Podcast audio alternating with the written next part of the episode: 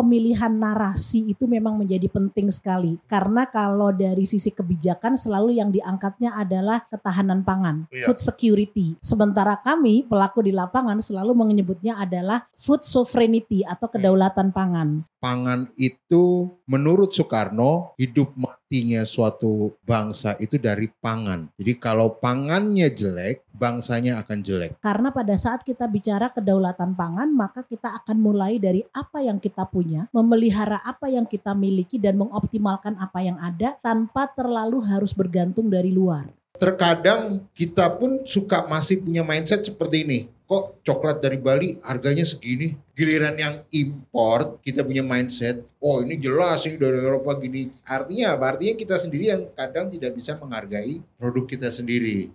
Sebenarnya yang krisis itu bukan krisis makanan di Indonesia. Yang krisis adalah krisis identitas dan kepercayaan.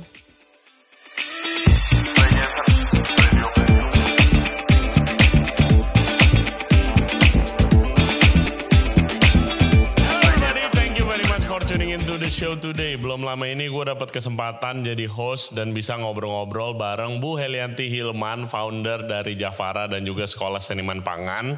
Dan juga Chef Wira Hardiansyah, seorang chef yang kerjanya keliling Indonesia dan expert dalam sejarah makanan Indonesia. Topiknya sangat menarik dan sangat penting kalau menurut gua. Ketahanan pangan dan juga hubungannya dengan kedaulatan pangan Indonesia. Mungkin dua terms itu sangat complicated ya. Tapi pembahasannya tuh seru banget karena ketahanan pangan tuh berurusan ketat dengan apa ya nutrisi banyak eh, daerah-daerah di Indonesia. Contohnya yang masih mengalami malnutrisi banyak anak-anaknya khususnya kekurangan gizi. Tapi ironisnya padahal kita tahu Indonesia itu daerah yang sangat kaya, nanam apa aja, sayuran dan tanaman itu pasti numbuh katanya. Nah ternyata itu ada hubungannya dengan kedaulatan pangan. Bagaimana kalau kita mengenal makanan-makanan asli Indonesia dari tiap daerah, kita bisa membantu and take part untuk eh, apa ya meminimalisir eh, malnutrisi dan juga isu-isu ketahanan pangan lainnya. Oke, seperti biasa jangan lupa subscribe di Jensen Radio di YouTube, Spotify, and all other podcast platform. Follow kita di Instagram di Jensen Radio dan juga di TikTok. And without further ado, please welcome Bu Helianti Hilman dan juga Chef Wira Ardiansyah. Enjoy the show. Kita akan membahas topik yang mungkin lagi rame di kalangan sosial media juga. Itu soal sustainable uh, food, sustainability in food, dan juga uh, berhubungan yang selalu berhubungan dengan ketahanan pangan dan juga kedaulatan pangan. Nah ini uh, lagi lumayan saya sering lihat kalau lagi scrolling sosial media itu orang-orang uh, mulai care, mulai peduli sama makanan asli Indonesia dan juga mulai mempromosikannya. Nah kali ini kita ditemenin dua pembicara yang menurut saya dua yang paling expert dalam topik ini. Yang satu itu Ibu Helianti Hilman, founder dan eksekutif chairperson dari PT Kampung Kearifan Indonesia dan company-nya itu yang paling well known dan mungkin udah pada tahu di sini itu Jafara yang berfokus untuk membangkitkan dan juga mempromosikan, mengekspor, mempopulerkan makanan-makanan dan bahan-bahan asli dari tanah air kita. Nah, mari kita sambut Ibu Helianti Hilman.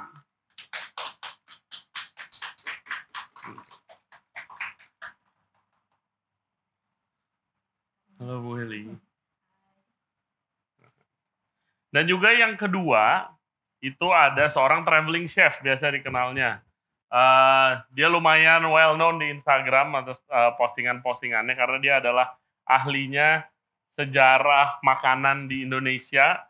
Nggak ada lagi orang yang kayak dia, teman saya Wira Hardiansyah. Please come to the stage.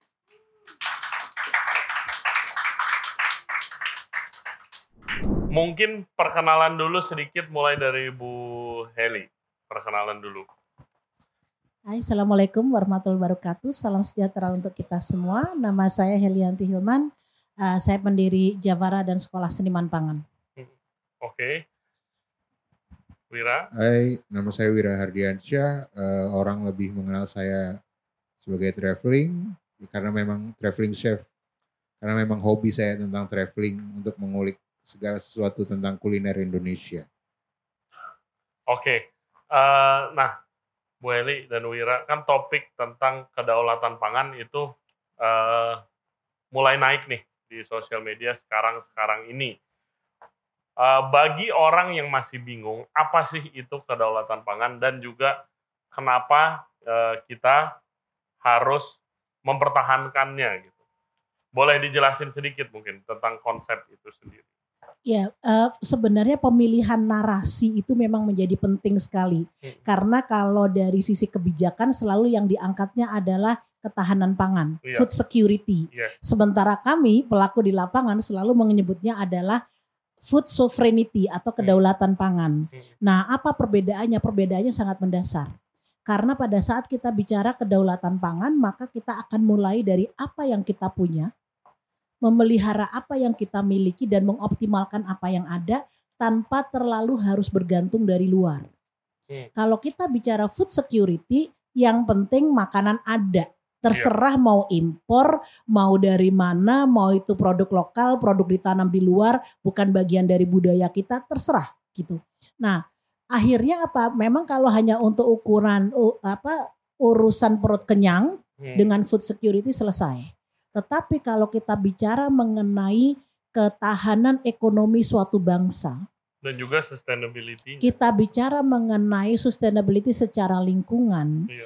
Livelihood dari sisi produsen itu maka seharusnya kita bicaranya narasinya adalah kedaulatan pangan, bukan ketahanan pangan. Saya sangat setuju. Halo dari Wira. Salah satu ciri bangsa yang besar itu ialah bangsa yang mempunyai identitas, identitas bangsa.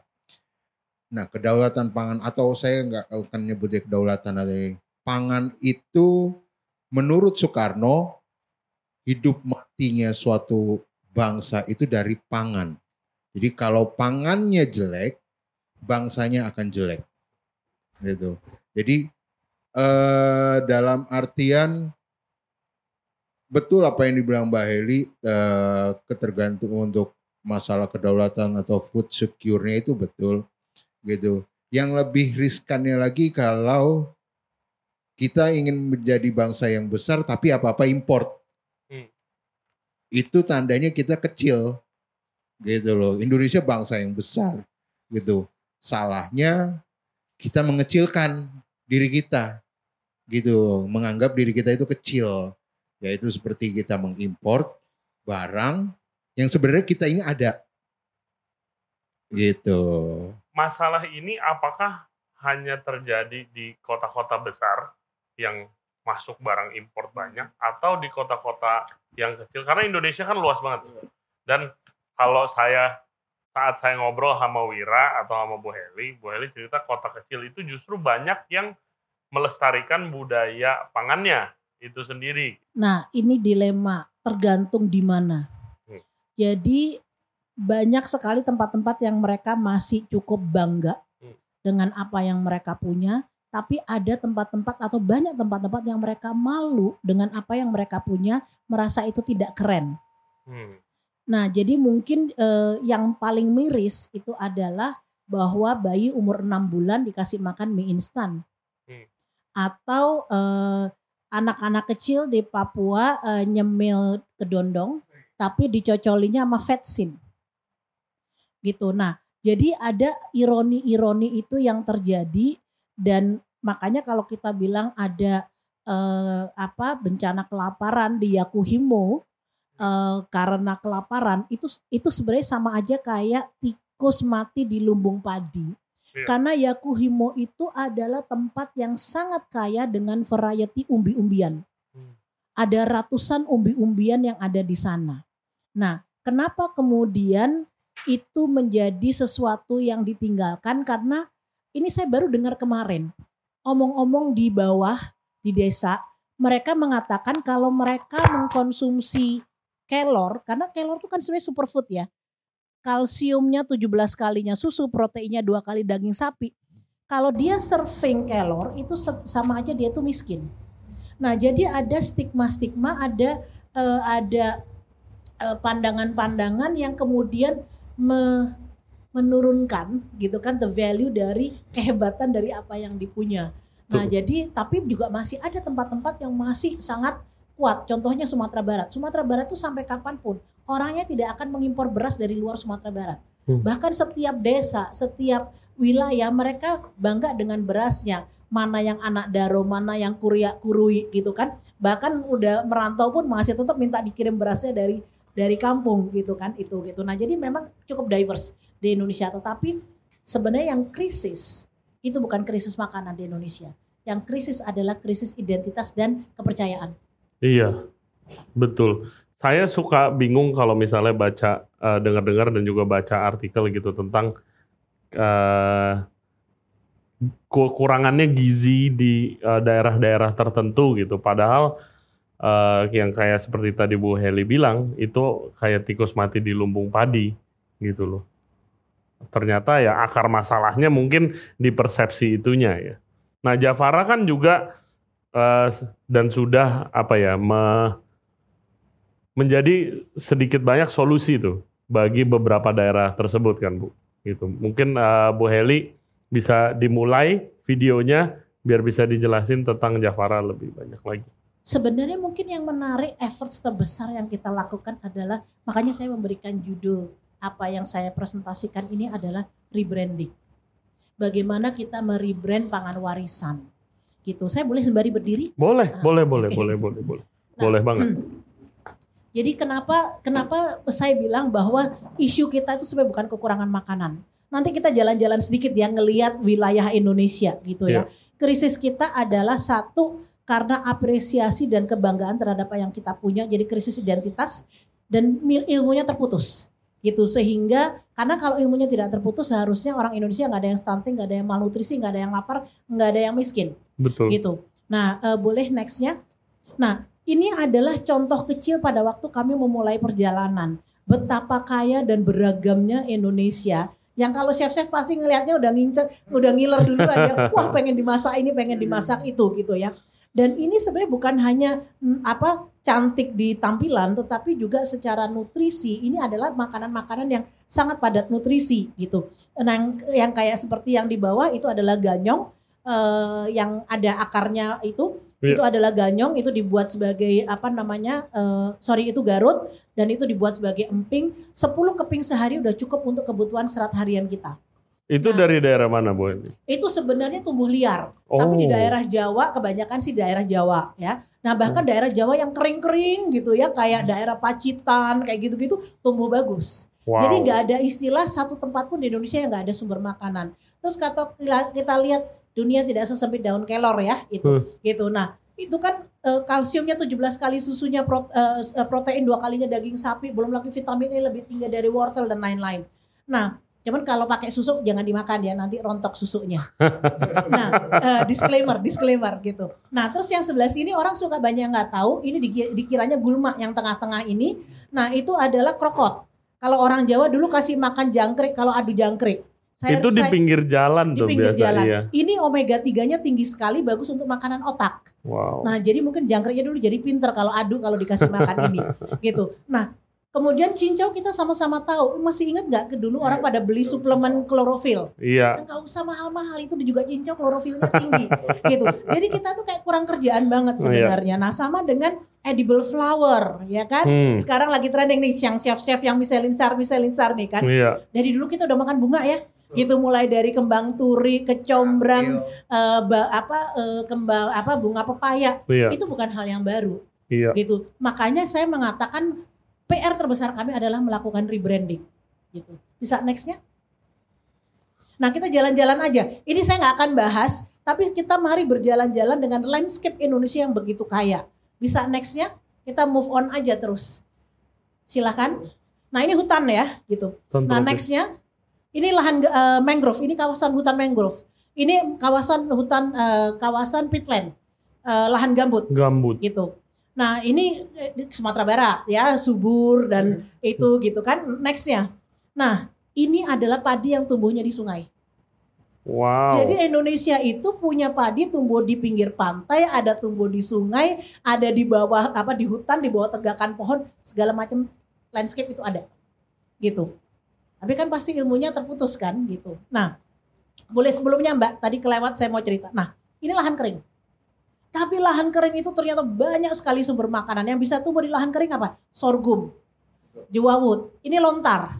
Iya. Lontar itu niranya itu bisa jadi gula, bisa ada buahnya dan buahnya itu sangat kaya dengan kolagen gitu kan. Nah kemudian niranya mau dibuat cuka kayak mau dibuat gula, Hmm. mau dibuat minuman gitu. Kita baru aja meluncurkan minuman fermented dari nira ya ala-ala sparkling soda tapi natural, Oh. 0% sugar. Wow. Kalori hanya 25 satu botol gitu. Nah, jalan-jalan tadi sebenarnya adalah sama aja kalau knowledge-nya nggak terputus ya. Sama aja kayak kita lagi pergi ke supermarket tapi nggak pakai tagihan. Hmm. Karena itu sebenarnya tanaman yang liar yang tumbuh itu banyaknya luar biasa. Tanaman makanan. Next. Iya.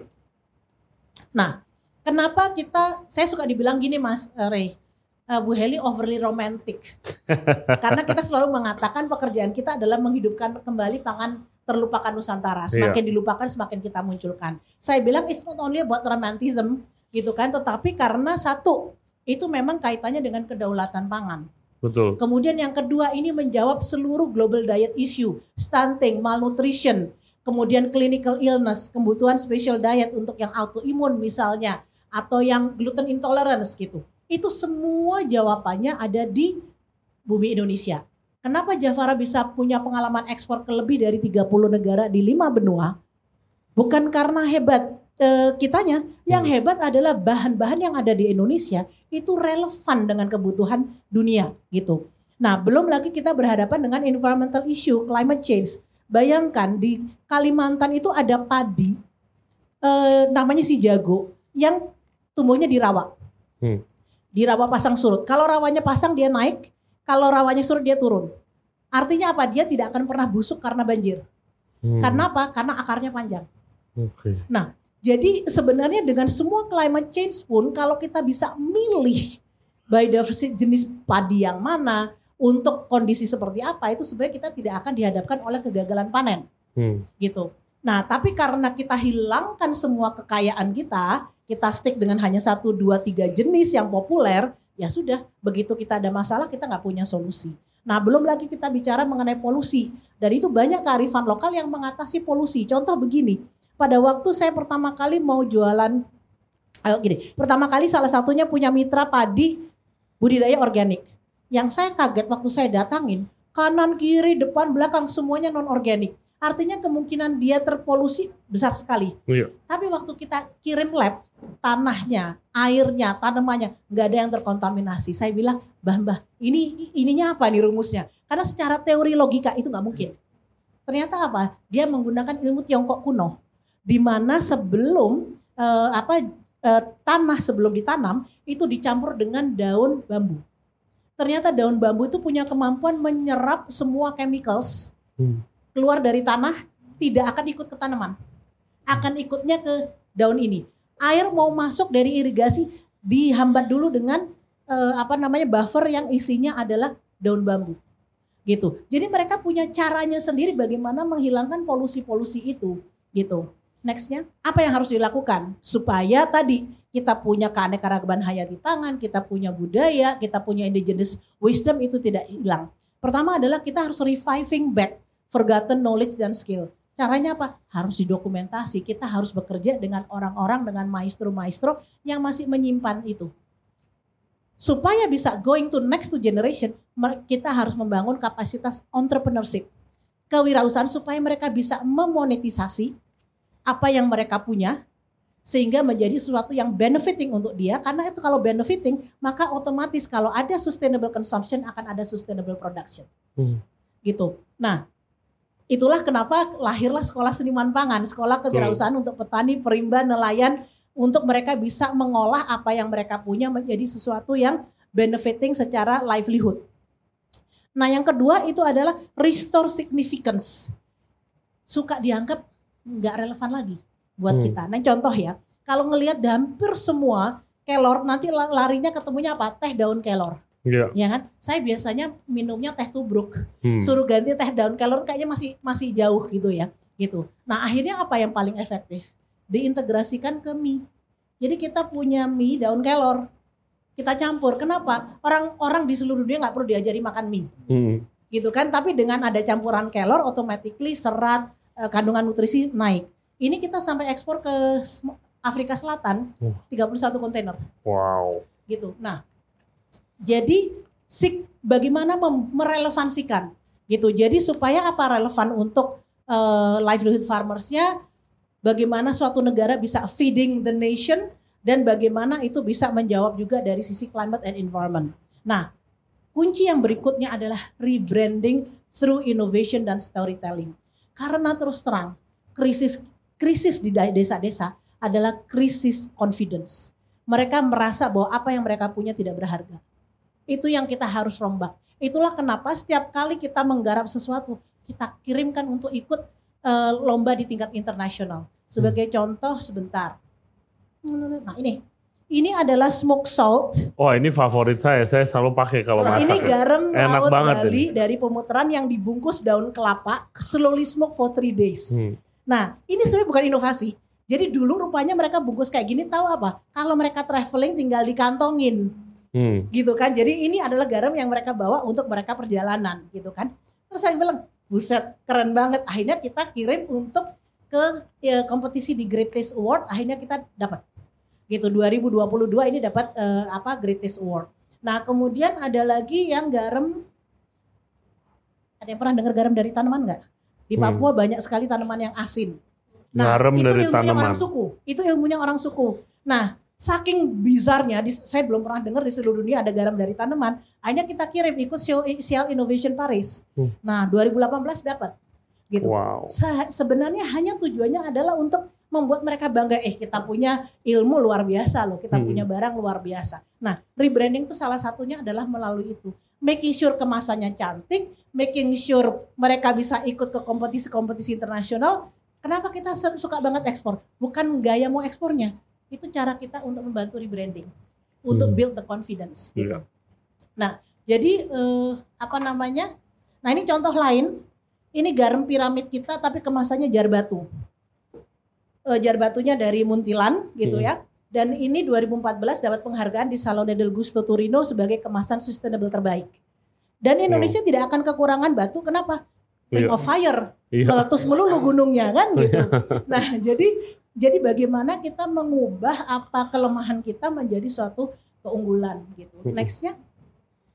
Nah, ini adalah contoh itu yang garam nipah yang dari tanaman yang di paling kanan itu eh, tanamannya ke sebelahnya, sebelah kirinya. Bentuknya pelepah. Oh. Gitu bentuknya pelepah. Satu kilo hanya bisa dapat dua persennya Oke. gitu. Jadi 100 kilo hanya dapat 2 kilo. Dan itu dilakukan di orang suku Moy gitu. Nah yang di bawahnya, nah itu menarik lagi tuh yang di bawahnya, Yang ini. yang bentuknya kayak batu. Ini. Nah, Iya. Itu prosesnya pakai rumput, pakai rumput ilalang. Rumput ilalangnya di- dipijat-pijat, direndam air eh, apa eh, mata air, dijemur keluar kristalnya, kemudian dikentrok-kentrok dikumpulin, terus dikemas. Yang di bawah ini mirip kayak eh, daun rotan, kalau dibakar abunya asin, Daun ini, Bu. Iya. Wow. gitu. Nah, jadi begitu bizarnya Indonesia gitu kan, sampai mungkin mestinya kalau yang chef chef langsung kalap gitu ya. Hmm. Saya aja yang bukan profesional chef ngelihat kayak gini kalap gitu. That's why kita bisa ekspor ke Perancis, perginya ke three star Michelin Hmm. eh, apa eh, Michelin chef namanya Rollinger yang dia punya perusahaan spice company Wow. gitu. Nah, ini semua adalah aset untuk community di rural dan remote Indonesia. Kenapa unik? Ya. Justru yang kita jual adalah scarcity-nya. Hmm. Garam nipah itu sebulan cuma bisa produksi 15 kilo. Wah, Ah, makanya kita jualnya mahal banget. 15 Cuma kilo. 15 kilo, nggak apa-apa. gitu kan yang penting sih itunya makmur gitu kan Hmm. istilahnya gitu. Nah, kemudian support healthier diet ternyata waktu kita tes uji lab si garam nipah sodiumnya hanya 20%. Hmm.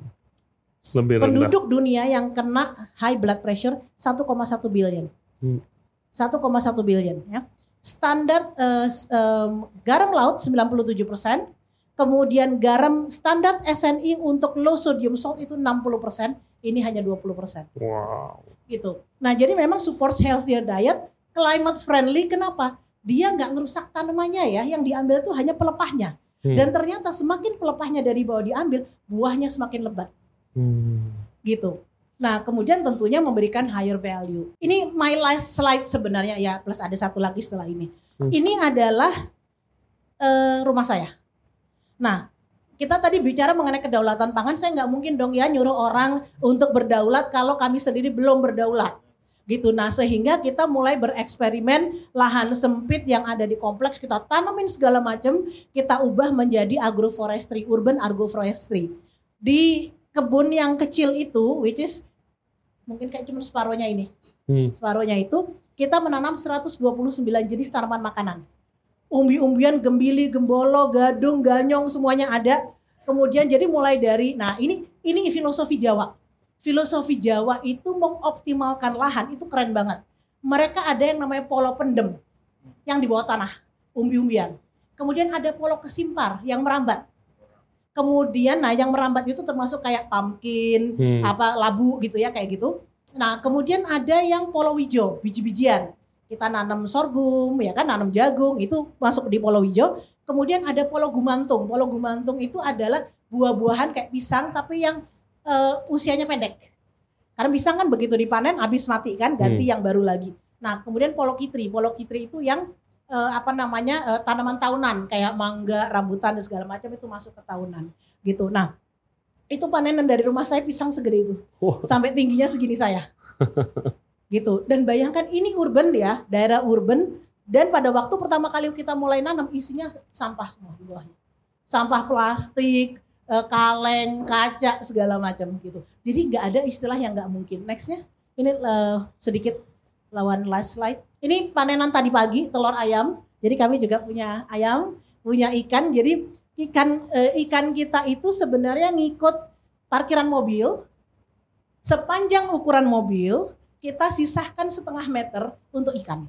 Hmm. Di situ ada nila, lele, gabus kayak gitu ya. Jadi kalau mau masak ya tergantung apa. Nah ini kenapa buat kita ini penting? Karena saya nggak mungkin nyuruh orang melakukan kalau kita sendiri nggak melakukan. Betul. Karena action speaks louder than words. Iya. Dan orang kita itu memang harus seeing is believing gitu. Nah, jadi kita juga mencerminkan bahwa kedaulatan pangan bisa dimulai dari rumah. Even kalau tinggalnya di apartemen nggak masalah. Ada tanaman-tanaman yang dia tidak Iya. perlu lahan, ada tanaman yang nggak perlu matahari terlalu banyak gitu. Nanti habis itu gambar-gambar selanjutnya Iya. kita lanjutkan berikutnya. Wira tuh tahu banyak tentang makanan-makanan di daerah-daerah Indonesia yang hampir punah. Hmm. Sebagai seorang chef lihat keragaman Indonesia, ma- bahan-bahan asli Indonesia Hmm. segitu banyak, itu jadi gatel kan? Ya sebenarnya bukan hanya kita sebagai seorang chef ya, tapi tanggung jawab masalah pangan ini tanggung jawab kita semua. Iya. Gitu sebagai orang Indonesia yang yang bertanggung jawab ya orang Indonesia Hmm. gitu, bukan hanya ketika pangan suatu bahan tidak ada yang disalahkan pemerintahnya lah, enggak kan sebenarnya yang salah itu ya kitanya sebagai orang Indonesia itu yang salah gitu Hmm. dan melihat keragaman itu sebenarnya menjadi ciri khas suatu daerah. Benar apa yang dibilang Mbak Eli tadi eh, tidak ada yang apa dengan kita mengkonsumsi kita membantu memproduksi itu kan satu lingkaran yang siklus yang tidak akan bisa putus. Nah seringnya terjadi masalah makanan ini adalah kita mengkonsumsi yang di daerah orang lain. Hmm. Maaf, maaf satu contoh bukannya eh, saya atau tidak suka seblak, bukan Hmm. Gitu. Tapi kayak gampang banget nyari seblak di mana-mana, sedangkan makanan daerahnya yang seharusnya ditunjukkan Iya. itu nggak ditunjukkan, entah dengan kurangnya pede atau takut orang nggak suka. Nah, karena kita tidak pede dan kita bingung, akhirnya stop konsumsi, stop produksi. Daripada saya menjual barang yang tidak laku, lebih baik saya barang yang laku. Akhirnya semua bahan-bahannya terputus. Iya. Itulah kenapa banyak makanan-makanan Indonesia hilang. Itu ya salah satu faktor itu. Seorang tukang masak atau chef juga memegang peranan sih untuk ya dipakai nih barangnya dipakai Betul. untuk masak dan juga dipromosikan. Ya Jafara juga ada kan eh, event-event yang emang eh, memakai eh, ini apa barang-barang atau ingredients bahan-bahan yang tadi disebutkan tersebut gitu kan. Tapi kan karena rata-rata kalau seorang chef atau putra daerah itu bingung mau diapain. Yang pertama bingung mau diapain. Yang pertama bingung nggak tahu kita ini punya apa. Iya. Itu ya Mm. seringnya. Jadi eh, betul kita memang beberapa kali eh, melempar pop up event. Jadi waktu itu kita sempat bikin jamuan Borobudur Mm. dari relief to table. Biasanya kan dari Oh, farm to iya. table. Waktu itu kita bikin dari relief to table karena ternyata di relief Borobudur itu minimal ada 55 jenis tanaman makanan. Betul. Dan semuanya mewakili landscape yang beda-beda termasuk yang surprisingly saya kaget di situ ada relief tanaman tebu. Hmm, saya oh iya. selalu membayangkan tebu itu dibawa masuk sama Belanda sebagai produk eh, eh, apa ekspornya mereka ya waktu Iya. itu kan ada tanam paksa ya Mm. untuk tebu gitu. Nah ternyata empat dari enam jenis tebu as eh, endemik tanaman tebu di dunia empat dari enam itu ada di Papua. Nah kenapa ada di Borobudur? Karena memang sudah ada perdagangan antar pulau. Hmm. Makanya di Borobudur juga ada eh, apa gambarnya jung vessel Eh, apa eh, kapal kapal jung itu kapal yang digunakan sebagai eh, trading maupun untuk penumpang gitu. Nah jadi eh, kenapa kita mulainya dari pop up karena kita masih celup-celup kaki ya kan Mhm. istilahnya. Ini kira-kira nih direspon nggak ya gitu kan istilahnya gitu. Nah kadang-kadang chefnya juga masih ragu-ragu. Ini kalau saya benar-benar masukin ke menu nanti bakalan ada respon nggak? Biasanya kita makanya selalu memulai dengan pop up. Jadi kita sempat bikin Borobudur, habis itu kita lanjutkan dengan Sriwijaya. Nah Sriwijaya orang selalu mengiranya maritime ya, maritim. Ternyata nggak ada satu lagi. Ja- Jadi bahkan di zaman kejayaannya Sriwijaya, ternyata rajanya membuat botanical garden yang isinya semua tanaman makanan yang ada di imperiumnya mereka.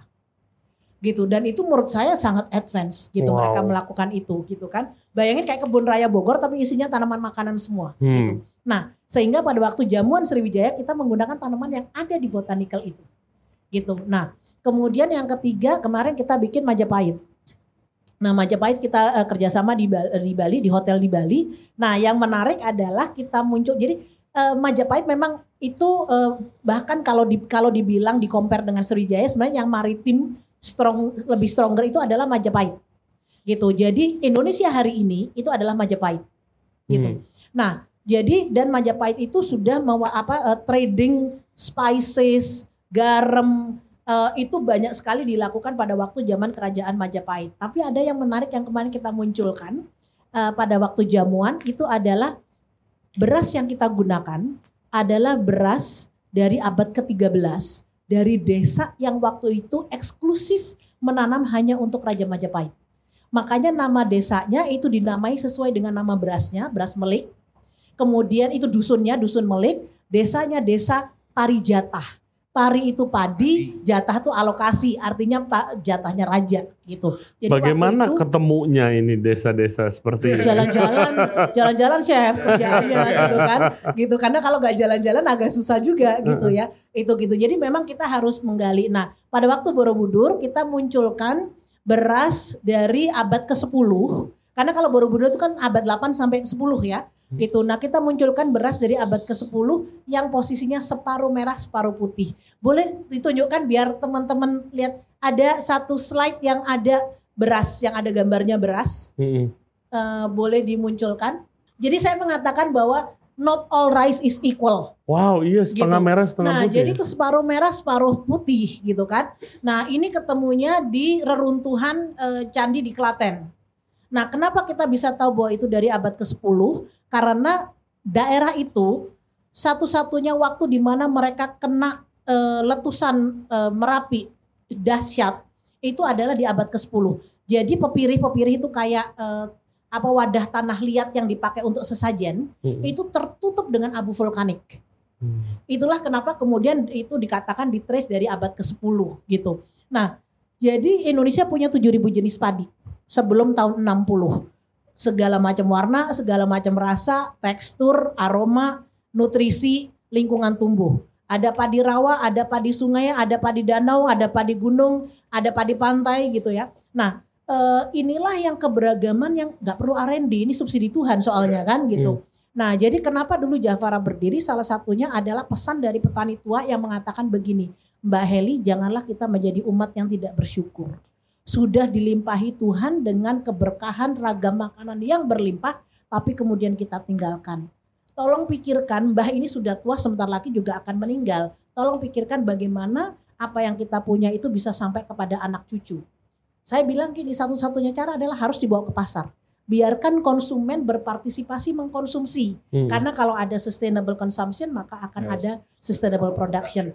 Keranjang yang kanan itu chef adalah produk pertamanya Jafara. Isinya adalah koleksi beras-beras kuno gitu. Dan waktu itu kita, kita terpaksa bikin seperti itu karena ternyata kita terima beras dari Mbak Suko jumlahnya cuma 25 kilo, 25 kilo, 25 kilo.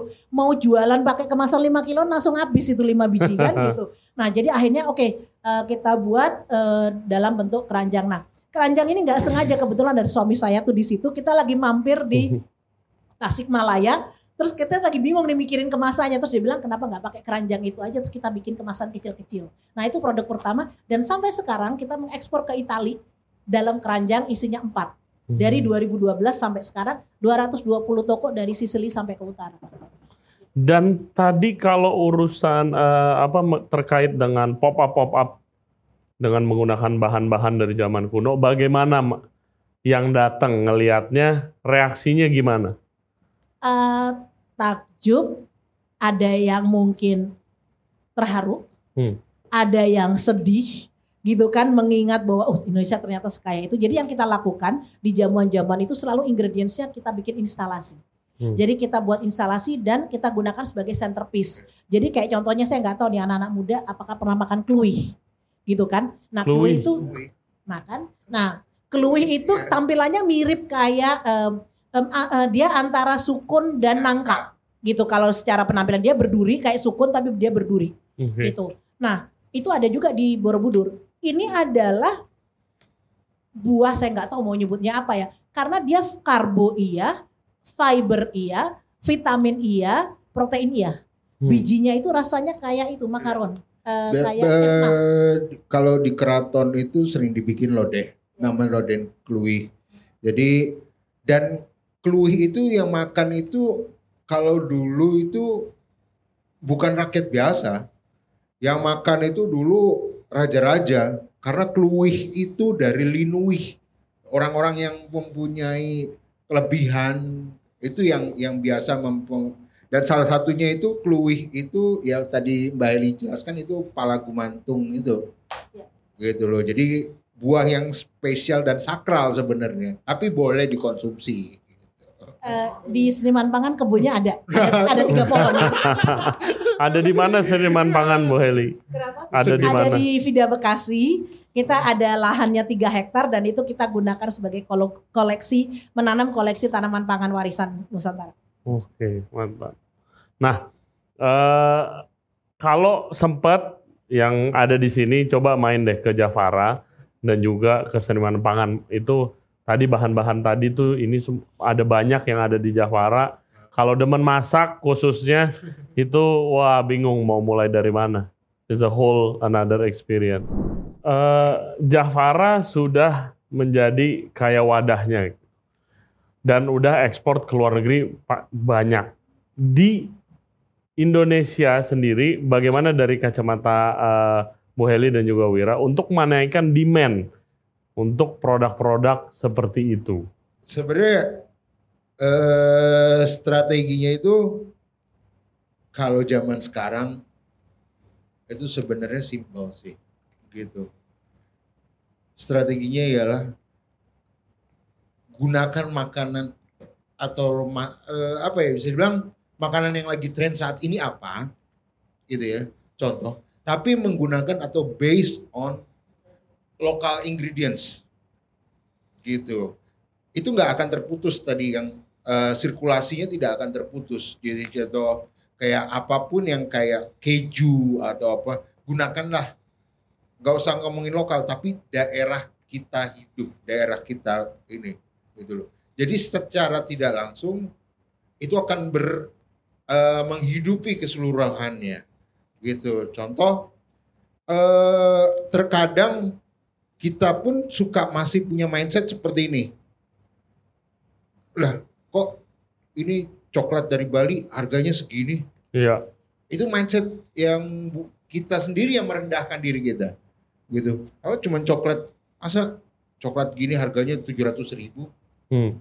Giliran yang import kita punya mindset, oh ini jelas ini dari Eropa gini. Artinya apa? Artinya kita sendiri yang kadang tidak bisa menghargai produk kita sendiri. Gitu. Itu pasti problem yang sering dihadapi oleh Jafar. Iya betul. Jadi gini, eh, saya setuju tadi strateginya bagaimana kita mengintegrasikan terhadap sesuatu yang sudah melekat menjadi daily dietsnya konsumen. Hmm. Eh, jadi kenapa misalnya yang kayak ubi ungu, kelor segala macam kita integrasikan ke pasta.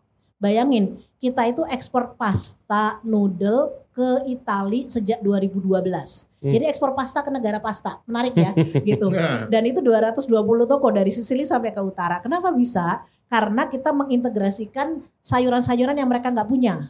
Jadi kita masukkan kelor, ubi ungu, kunyit gitu. Nah jadi eh, kita punya tetap ada daya pembeda, tetapi kita nggak perlu capek-capek, nggak Iya. perlu ngajarin mereka cara bikin pasta, ya kan?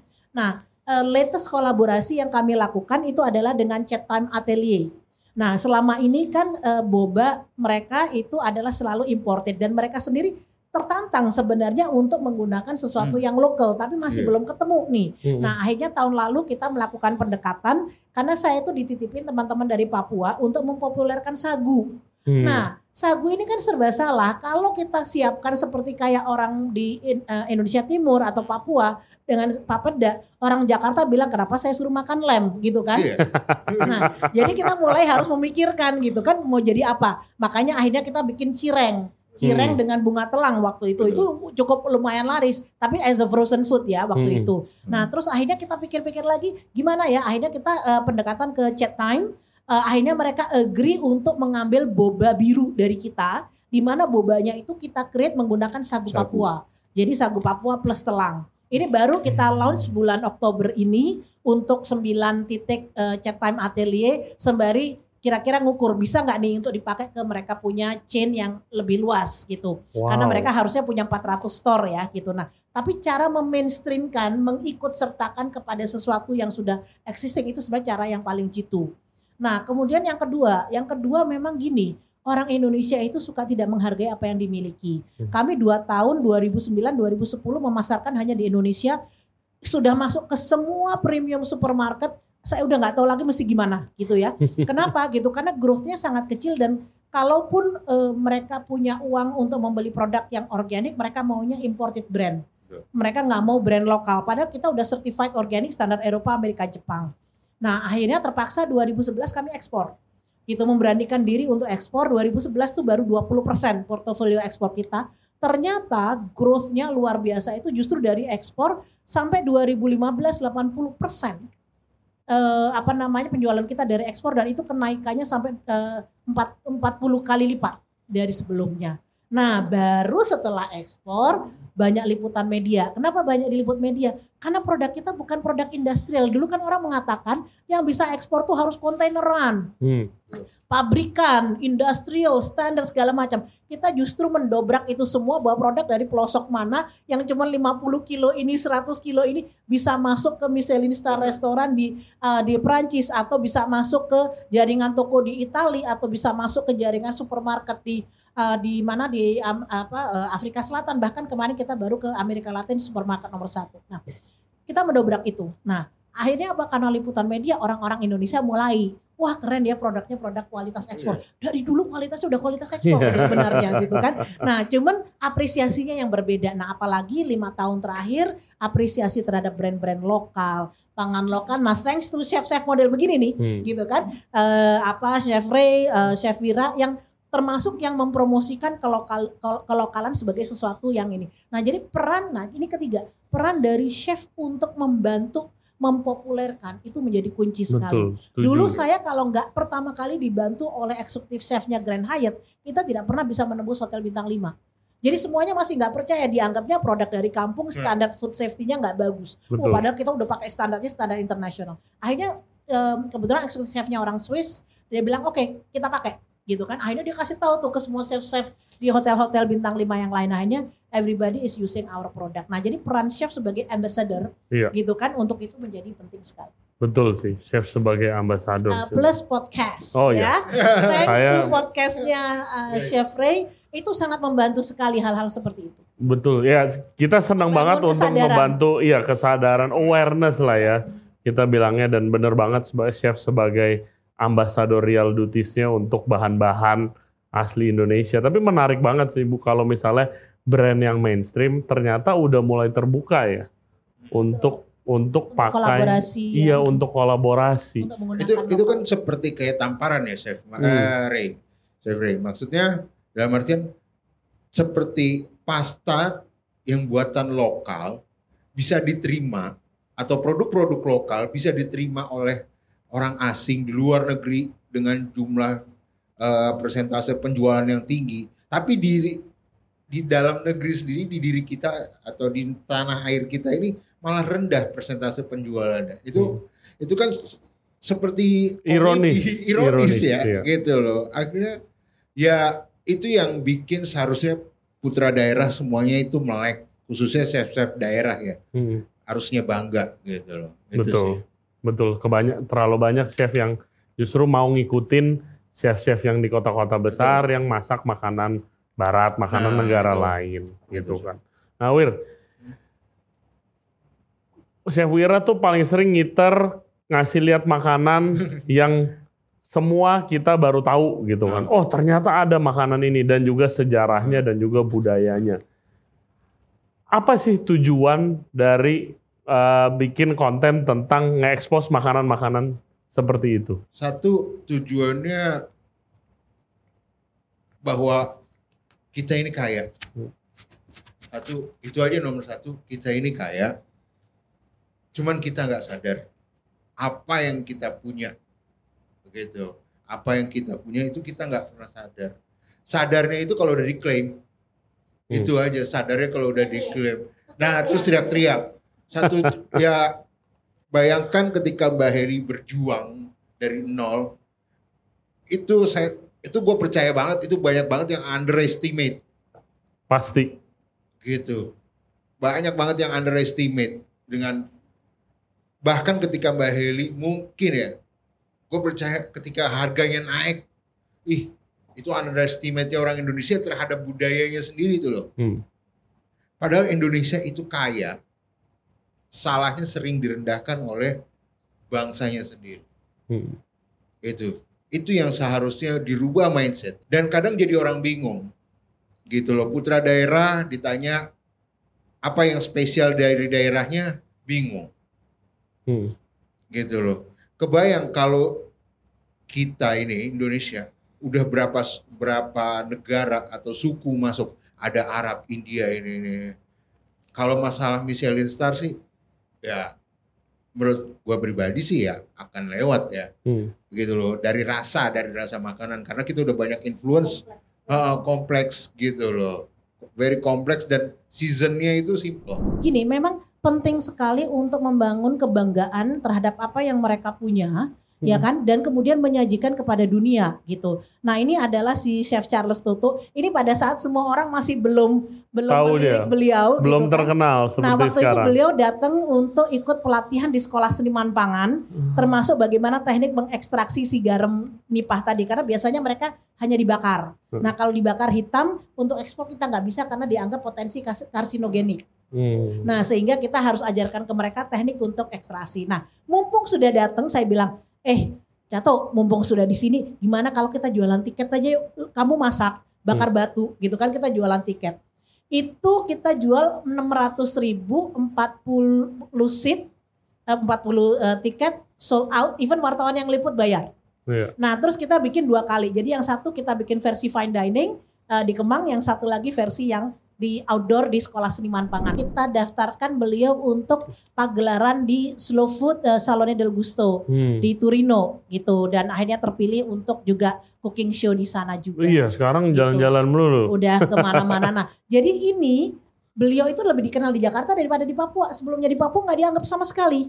gitu baru setelah kok banyak banget undangan Kompas meliput kemudian banyak sekali liputan dari mana-mana akhirnya baru kemudian muncul penghargaan nah tugas kami jadi makanya aku selalu bilang kami di seniman pangan ini kayak artis manajer ya kan kami manajernya tapi artisnya adalah petani perimba nelayan yang hebat-hebat ini gitu nah Talent, tugas ya. Iya, Nah, talent jadi tugas manager. kita adalah harus cariin panggung Iya. kan, gitu kan itu. Nah, ada satu lagi kita punya program kurikulum khusus bagaimana membantu komunitas-komunitas bisa memonetisasi food culture-nya supaya mereka bisa menjual untuk paket gastrocultural tourism. Kalau yang mau mulai juga bingung gitu. Nah ini mungkin cara yang Kita ada baik. modulnya, Hmm. jadi pelatihannya menarik. Pelatihannya lima hari itu udah langsung dijeblosin. Jadi mulai dari bikin konsepnya, milih ingredients-nya, kemudian eh, mengetes makanan sampai cara nataknya, membuat ambience, kemudian membuat seluruh rangkaian experience-nya. Gitu mulai dari mereka datang sampai pulang, sampai menghitung costing, biayanya, kemudian sampai kepada narasinya. Lima hari pelatihan, hari ke-6 ke-7 kita langsung jualan tiket ke Hmm. publik. Oke. Karena mereka baru akan paham penghargaan dari orang pada saat kita jualan tiket. Iya. Kalau cuman gratisan semua orang pasti datang for makan-makan ya. Hmm. Gitu. Tapi pada saat jualan tiket baru akan kelihatan the the true. Nah, video ini kayaknya setelahnya Mas ada video yang ada kayak gambar gunung gitu. Hmm. Nah, itu eh, di bagian video ini agak aneh. Separuh bagian pertama itu justru pada saat mereka udah selesai pelatihan mereka melakukan di desanya Hmm. menjual paket itu di desanya. Nah, baru yang sebagian kedua itu adalah pada waktu proses eh, bagian dari proses kita menjual tiket eh, kita open for public di Labuan Bajo. Gitu. Jadi kita kumpulkan dua perwakilan dari desa-desa untuk mengikuti pelatihan itu. Kebetulan trainernya itu adalah eh, Chef Martin Vera, itu dia orang eh, chef Argentina yang lama di Itali, mengapa eh, researcher di University of Science Gastronomy Itali. Dia lagi sabbatical, kemudian memutuskan untuk membantu seniman pangan untuk bikinkan kurikulum untuk gastrocultural tourism karena memang specialty dia adalah community based tourism. Terus terang untuk yang ini chef kita belajar banyak. Belajar banyaknya gini. Yes, kita punya expertise bagaimana untuk merancang untuk gastrotourism dunia. Tapi kita tidak boleh melupakan kearifan lokal dan kita harus cari titik tengah. Jadi terjadi sedikit konflik pada waktu proses belajar mengajar. Hmm. Konflik yang pertama adalah waktu menentukan harga. Jadi kita bilang ini harganya tiket harusnya 500 ribu. Mereka bilang gini, oh tidak mama terlalu mahal itu. Tidak enak kami semahal itu. Ini bahan ambil dari kebun sendiri tidak ada harganya. Hmm. Bagaimana lihat bagaimana mereka tidak menghargai apa yang mereka punya, ya kan? Itu satu. Kemudian saya bilang ya udah saya ngalah gitu. Saya bilang oke deh. Akhirnya kita, eh, kita sepakat di 350 ribu gitu. Tapi saya bilang oke gimana ya caranya supaya mereka tahu bahwa sebenarnya value-nya tuh nggak 350, value-nya tuh lebih 14 course loh. 14 course ya. Nah kemudian eh, isu berikutnya muncul adalah pada saat portioning. Karena 14 course kita bilang eh taruhnya kecil-kecil saja karena kan orang ingin mencoba dikit-dikit dikit-dikit sampai terakhir. Jangan sampai kekenyangan dan jadi food waste. Karena yang Bisa. kita ajarkan juga adalah bagaimana jangan sampai terjadi food waste. Nah, dia bilang, "Eh mama, malu kami. Masa mereka bayar kita kasih kayak makanan kucing seperti ini?" gitu kan. Nah, jadi bilang mereka maunya jupluk gitu kan. Akhirnya kita cari jalan tengah. Jalan tengahnya begini. Oke, gini. Kita taruhnya kecil-kecil, tapi ada yang muter siapa yang mau nambah, siapa yang mau nambah gitu. Jadi ada jalan tengah. Oke, mereka udah agree. Ada yang ketiga. Yang membedakan gastrocultural dining dengan tidak itu adalah narasi, storytelling. Benar ya? Kalau cuma makan enak di mana aja bisa gitu. Betul. kita udah jari mereka untuk storytelling dan segala macam bagus-bagus. Mereka cukup eh, inilah eh, ekspresif gitu. Ada permasalahan satu. Ibu kalau di adat kami tidak sopan orang ngomong kita makan. Terus aku bilang mama kalau kita tidak cerita untuk apa mereka makan di sini? Gitu kan istilahnya gitu. Nah jadi akhirnya kita cari jalan tengahnya adalah sebelum disajikan kita cerita begitu mereka makan kita udah diem gitu. Nah, jadi ternyata di situ kami juga tahu kita punya modul bagus, tapi ternyata tetap kita harus respecting local culture dan mencoba untuk membangun kesepemahaman mengenai bagaimana mencari jalan tengah karena di satu sisi kita mau against food waste ya kan. Iya. Kemudian istilahnya mindful eating lah gitu. Betul. Nah kemudian yang kedua adalah kita pengen mereka dapat kompensasi. Nah urusan harga tadi sempat lihat nggak ada peserta yang pegang mic Iya, betul. saya tanya ke orangnya, kalau menurut kamu dengan 14 menu seperti ini plus ada joget, ada nari, ada musik dan segala Iya. macam kan? Gitu. Harusnya bayar berapa? Dia bilang 750 ribu. Hmm. Nah si mama itu dengar sendiri. Gitu. Nah jadi memang akhirnya tuh kan bukan dari saya ya. Iya. Mereka itu. Jadi mereka, uh terlalu murah kami taruh ya mama kata gitu. Iya gitu. Nah jadi hal-hal yang seperti itu sebenarnya jadi pembelajaran juga bagi kami untuk memahami bahwa ada dinamika. Jadi nggak bisa top down. Hmm. Semuanya itu harus dikerjakan bersama-sama untuk mencari titik tengah yang mereka nyaman. Wow, dan itu baru satu area kecil dengan banyak Iya. potensinya. Gitu. Karena mereka berpikirnya bahwa kalau kita sebagai tukang masak yang menyediakan bahan baku itu eh apa namanya cost control atau supplier atau apa. Karena kalau mereka berpikir bahwa Ini tinggal ngambil. Iya, ini tinggal ngambil. Yang menyediakan bahan baku ini ya Tuhan. Tuhan memberi kita semua ini, makanya kita bertanggung jawab mengolahnya dengan baik. Gitu. Betul. Betul. Dari Syahwira jalan-jalan keliling Indonesia, daerah mana lagi yang menurutnya punya potensi Mhm. yang bisa di-highlight agroturismnya dan bahan-bahan dan juga apa ya ga- gastronominya, makanannya. Kalau bicara seperti itu, hampir setiap setiap daerah punya put- potensi, potensi di mana eh, salah satu contohnya itu kemarin saya dari Kampung Lempuyang. Kampung Lempuyang itu Di mana? itu di Aceh. Oke. ya. Aceh itu dua jam naik kapal dari Aceh. Itu juga ada sesuatu yang yang apa ya bisa dibilang sesuatu yang unik ya. Jadi eh, nelayan-nelayan di sana itu kalau ikannya tidak laku, biasanya itu mereka akan eh, ada saya lupa nama nama bahasanya. Jadi dipendam, bukan dijemur ya, Hmm. bukan dijemur. Ini dipendam. Jadi umpamanya hari ini nggak laku sore gitu udah tutup warung ikannya dipendam dalam pasir, ya tutup kain. Mirip seperti aging ya Hmm. cuman fermentasi secara tidak langsung. Nanti minggu depan ya baru kita makan. Minggu depan itu kita makan kalau kalau ya kalau kalau tangkapan kita ini jualan kita laku. Food for party Hmm. gitu loh.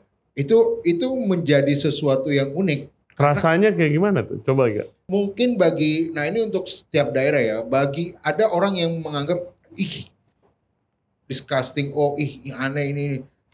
Tapi bagi mereka it's a culture. Gitu loh. Banyak di kita tuh yang udah langsung defense nolak gitu. Ya buat gue pribadi sih itu sesuatu yang Keren. kita makannya itu hampir sama kayak di Flores kalau nggak salah ada yang ikan atau apa yang dia ditutup dalam kendi. Eh nanti kita boleh baru makan itu eh, minggu depan atau apa. Itu sama. Jadi ikan apa ikan apa ditutup ya di dalam pasir dikubur ntar minggu depan eh, dagangan kita laku nih Mbak Heli atau pan eh, tangkapan kita laris terjual gitu kita kita makan tapi kalau dagangan kita belum laku, itu ikan jadi seperti wine bagi mereka. Terus ya. Iya, Menarik. gitu. Itu Ada lagi kayak di Kendari atau di eh, Sulawesi itu, saya lupa ya namanya. Saya pernah cerita di podcast ini, namanya Kaswami. Dia dari Singkong, ya. Dia bentuknya kayak tumpeng, gitu. Dan itu menu be- bekelnya. Itu menurut gue salah satu eh, pemikiran gue dulu kalau ngomongin tumpeng itu selalu tentang eh, nasi. Di situ mereka punya singkong di situ mereka punya umbi-umbian, mereka menyebutnya kaswami singkong atau tumpeng dari singkong sebagai bekal untuk eh, para nelayan gitu loh. Kalau bahasa kekiniannya mini tumpeng gitu loh. Dan itu yang membuat gue bahwa sadar bahwa nggak melulu soal nasi Hmm. apa pun itu nggak melulu soal nasi. Jadi kayak ada mungkin Mbak Eli pernah tahu desa Cirende yang ada di Kabupaten di Bandung di Jawa Barat. mereka punya slogan itu kan eh, nggak punya beras asal kenyang. Hmm. Nggak punya beras asal kenyang. Jadi mereka ada tanahnya pun terbagi tanah larangan. Yang tanah-tanah ini memang tidak boleh digu, eh, dipakai. Ah, ini ya, ini saya punya ini. Ajaran nenek moyangnya itu tenyawa asal boga pare dan itu bisa dilihat ini itu di aula eh, bukan di aula ya. Ini seperti eh podiumnya mereka bahwa menjadi simbol kehidupan pangan. Ini yang sebenarnya yang harus dilandasi atau jadi landasan eh, masyarakat Indonesia gitu loh. Artinya apa? Tidak punya sawah asal punya beras. Gitu. Tidak punya beras asal dapat menanak nasi tidak punya nasi asal makan. Tidak makan asal kuat. Yang harus garis bawahi adalah tidak punya beras asal makan. Hmm. Artinya tidak melulu, makanya mereka simbolnya itu singkong atau mereka menyebutnya sampuk ya. Gitu. Singkong karena mereka membuat rasi atau beras singkong atau orang Jawa Tengah bilangnya tiwul gitu. Jadi gimana caranya mereka masak nasi tapi dari singkong gitu kan. Bahwa bahkan mereka itu untuk padinya itu mereka melarang menggunakan bahan-bahan campuran yang benar-benar itu setahun sekali baru kita makan nasi. Hmm. Begitu. Jadi uh, ini sebenarnya dari zaman dulu udah diajarkan konsep seperti ini gitu loh tidak melulu soal nasi gitu Ini mungkin kita harus bicara juga mengenai bahasa ya Hmm. eh, kalimat karena kalau di dalam di Jawa itu mengenal istilah sekul betul ya. Nah sekul itu bukan nasi, bukan hanya nasi. Sekul itu bisa sekul juawut, bisa sekul bera- eh, eh, pari gitu kan. Kemudian bisa sekul dari Betul. singkong. Jadi bisa makanya tiwul itu kan sebenarnya sekul dari singkong kan gitu. Nah justru kalau yang sego itu harusnya sagu. Ah, Kan kadang-kadang suka mengira sego itu nasi nasi. taunya iya. Sego itu sagu. Kalau yang beras, eh, juawut segala macam disebutnya sekul Hmm. gitu. Nah jadi makanya istilahnya eh, kita itu kehilangan kemampuan literasi Betul. kita Iya. karena terminologi-terminologi ini kita tidak tidak menguasai lagi Hmm. gitu. Nah yang menarik adalah ini kalau kita bicara melihat ini ini sebenarnya kita dia konsepnya konsep sekul Hmm. karena sekul itu bisa dari apa saja betul Iya. gitu. Nah, kemudian kalau dilihat dari eh, apa namanya eh, kearifan lokal eh, itu ternyata kemarin waktu Pe- Pekan Kebudayaan Nasional 2021 dari lomba eh, kan kita bikin lomba digital ya Hmm. gitu untuk eh, mendokumentasikan kearifan eh, pangan daerah. Kita menjumpai ada dua yang mirip di suku Dayak dan di suku Belitung Hmm. di Dayak dan di Belitung menanam berpadi dan menanam juawut di sawah yang sama. Ini kearifan lokal yang luar biasa bahkan di Dayak itu lubangnya lubang yang sama. Jadi kalau sekarang kalau yang biasa urban farming pasti mengenal istilah companion planting, betul Iya, ya kan temenan. tumpang sari atau apa istilah itu. Hmm. Dan companion planting itu nggak boleh tanaman yang dia berebut nutrisi yang sama, gitu. Hmm. Nah, itu sudah diterapkan dari zaman dahulu. Jadi Iya. antara juawut dan beras itu tidak pernah berebut makanan. Jadi zat yang diambil dari tanahnya itu berbeda gitu. Nah, bahkan di Belitung itu pada waktu petaninya menyebar juawut di sawah ada doanya. Hmm. Doanya adalah tahu nggak apa? Karena juawut di Belitung adalah untuk memberikan makan burung. Hmm. Di situ hebatnya bahwa yang perlu makan bukan hanya manusia, makhluk hidup yang lain juga perlu makan. Jadi pada waktu mereka menyebar juawutnya mereka sembari me- melafazkan ini bagianmu, beras bagianku. Ini bagianmu, beras bagianku. Nah, sehingga bu- burung itu ternyata kalau dikasih pilihan antara juawut dan beras, pasti akan ambil juawut. Makanya kalau di tempat pasar-pasar burung akan menemukan juawut Iya. gitu. Nah, tapi kita juga melupakan bahwa sebenarnya jawawut itu adalah endemiknya Jawa. Hmm. Dalam bahasa Sanskrit itu disebut Yava. Itulah akar kata Jawa. Jadi Jawa itu adalah pulau biji-bijian Hmm. gitu. Nah, jadi kita ini kayak bangsa yang terputus riset karena kita kehilangan semua literatur. Padahal di dalam literatur itu banyak sekali bukan hanya mengenai wawasan mengenai bahan pangan, tapi Hmm. juga kearifan-kearifan lokal yang Mm-mm. ada di dalamnya. Nah, ini sebenarnya problemnya. Jadi infrastruktur manusia versus infrastruktur sang pencipta. Tanam pohon atau tanam beton. Jadi ini yang terjadilah ketika effort bahan sirkulasi tadi yang kita bilang masalah produsen dan konsumen udah nggak ada, akhirnya sang produsen menjual bahan-bahan tersebut sehingga ya mungkin saya tahun 2029 Jawaut hanya mitos. Bisa terjadi. Hmm. gitu loh. Bisa aja ya kalau infrastrukturnya itu eh, terjadi karena apa? Produk kita nggak laku re. Hmm. kita jualan Jawaut nggak laku Ya jualan jual sorghum nggak laku jualan nasi nggak laku. Jualan produk. iya ya udah. Ya udahlah kita nggak ini gitu loh. Makanya tanah-tanahnya kita jual nanti kalau harga di pasar naik bingung semua Hmm. nah inilah yang terjadi gitu loh Dan ini translate-nya adalah Indonesia kehilangan 500 ribu petani setiap tahunnya. Iya. Ini ini lanjutan dari ini kan. ya orang lahannya juga udah nggak ada. Iya. ya kan? Sangat menyedihkan. Oke, coba Hmm. dari sepanjang tahun 2000 2000 sampai 2018 300 hektar per tahunnya. Nah, ini yang warah. Food loss dan food waste. Kita sering sering eh, miscommunication antara food loss dan food waste gitu loh. Karena food loss sendiri itu sebenarnya mengalami yang mengalami kualitas yang disebabkan oleh berbagai faktor sebelum menjadi produk akhir ya kan. Ya cuaca buruk gitu loh. Nah, benar ya Mbak? Nah, ini disebabkan oleh manusia juga. Gitu loh.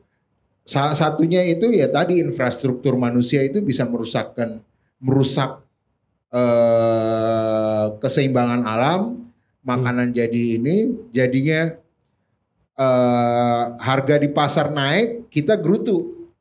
Hmm.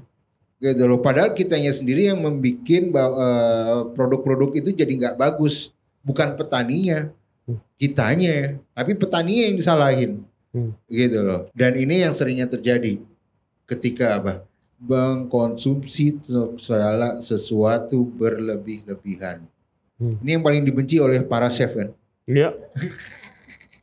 Makannya dikit, ngambilnya banyak, gitu kan? Atau nyobainnya cuma dikit, tiba-tiba food waste. Kalau food waste itu problem yang sangat besar dan juga sebagai restoran yang jual makanan itu nggak bisa dipungkiri. Salah satu problem terbesarnya adalah ya restoran ini food waste-nya banyak di mana-mana. Biarpun udah mencoba ditekan gitu ya. Ini seperti apa ya? Jadi kayak buah simala, bukan buah simalakama, serba apa ya? Jadi kalau sirkulasinya ya memang ceritanya itu akan seperti itu aja, Hmm. gitu loh. ya. Produktif dan konsumennya seperti itu. Tapi kalau ini jalan, ya kan? Ini jalan seimbang. Yang jadi masalah apa? Si konsumen sudah tidak membutuhkan produsen. Akhirnya produsen menjual lahannya, produsen menjual bahan bakunya, stop. Akhirnya semua bahan-bahan ini cuma jadi mitos. Iya. Tapi ini ada satu nih yang menarik, saya juga baru belajar. Hmm. Coba perhatikan semua piring kita yang dari zaman dulu. Aha, Mulai dari yang tanah liat aha. Hmm. sampai yang dari bambu, Dari diameternya daun. nggak ada yang gede. Iya Diameternya juga. tidak ada yang Memang besar. Lihat di warung Padang yang beneran tuh yang asli, Hmm. piringnya kecil loh. Kecil Iya. ya, betul. Iya kan? Gitu. Coba lihat itu piring yang dari tanah liat itu kecil Hmm. gitu. Nah, jadi sebenarnya salah satu revolusi untuk food waste adalah kecilkan piringnya. Gitu. Karena Iya. begitu besar, orang cenderung itu tadi mau coba kalau pergi kondangan ya, gitu kawinan, gitu begitu piringnya gede semua dimasukin karena mau cobain. Betul. Habis Iya. itu kebuang. Coba kalau piringnya kecil, bingung kan? gitu kan nggak mungkin semuanya dimasukkan gitu. Nah, jadi sebenarnya salah satu solusinya itu adalah itu dan pas saya lihat-lihat bener ya semua piring-piring yang Iya. zaman dulu itu kecil-kecil ukurannya. Dan raja mangsa atau makanan raja-raja mau dari zaman Sriwijaya atau Majapahit, lauknya banyak, Rey. Hmm. Lauknya itu bisa 14 lauk, eh, 17 lauk. Dan makanannya raja udah semprit gitu loh. Nanti sisa-sisanya ini jadiin rebutan tuh. Hmm. Gitu loh. gitu. Iya, buat abdi dalamnya, buat itunya. Mereka tidak ngambil yang dari belakang, ya. Biasanya sisa yang di dapurnya itu diberikan kepada rakyat. Nah, petugas-petugas waitersnya atau ini raja-raja tuh ngambil yang sisa-sisanya ini. 14 ini. Gitu. Itu kebiasaan raja-raja di mana pun turun temurun konsep makan mereka seperti itu. Sekali makan lunch datang 14 lauk, 17 lauk. Sampai nggak kelihatan. gitu. Tapi yang dimakan mah udah Iya, obviously sama seperti tadi kita ngomongin bahan pangan ya, di mana sebenarnya kita udah melakukan itu dari zaman dulu, tapi betul. terputus lagi-lagi, terputus dan kehilangan identitasnya juga gitu. Nah, mungkin sebagai penutup tanya ke eh, Bu Heli dan juga Wira, kalau mau mulai nih, mau mulai, mulai dari mananya dulu nih mau mulai? Apakah kita harus nanam, mau belajar, mau nanam dulu di rumah atau mulai jadi kayak Chef Wira jalan-jalan keliling Indonesia memperkenalkan atau langsung bikin bisnis kayak Bu Heli mempromosikan makanan daerah daerahnya daerah kita. Dari mana mulainya Bu Heli? Gini, kalau saya bilang yang bisa dilakukan oleh semua orang, revolusi dimulai dari meja makan kita. Hmm. Revolusi dimulai dari piring kita.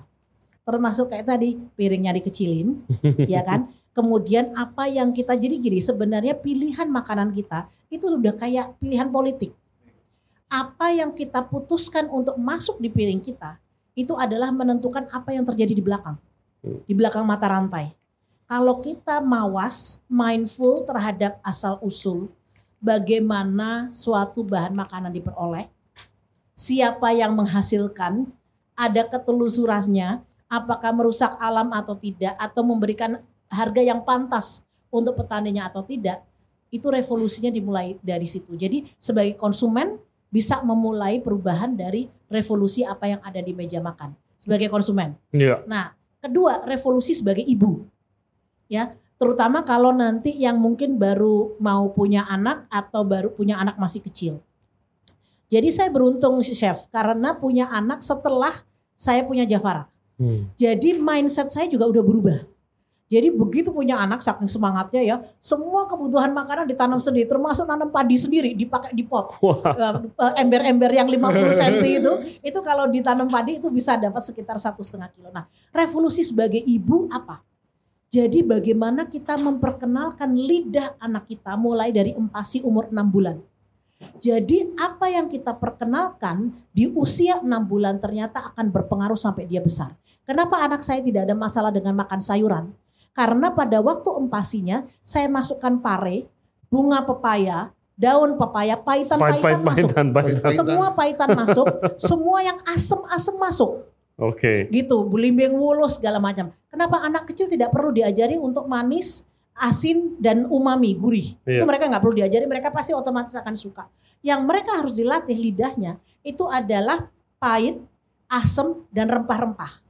Anak saya makan nasi sebungkus nasi padang satu setengah tahun, gitu. Jadi lidahnya sudah kompleks, gitu. Nah itu revolusi sebagai ibu ya, gitu. Bagaimana ah, pilihan kita eh, terhadap anak-anak kita itu akan mempengaruhi mindset dia.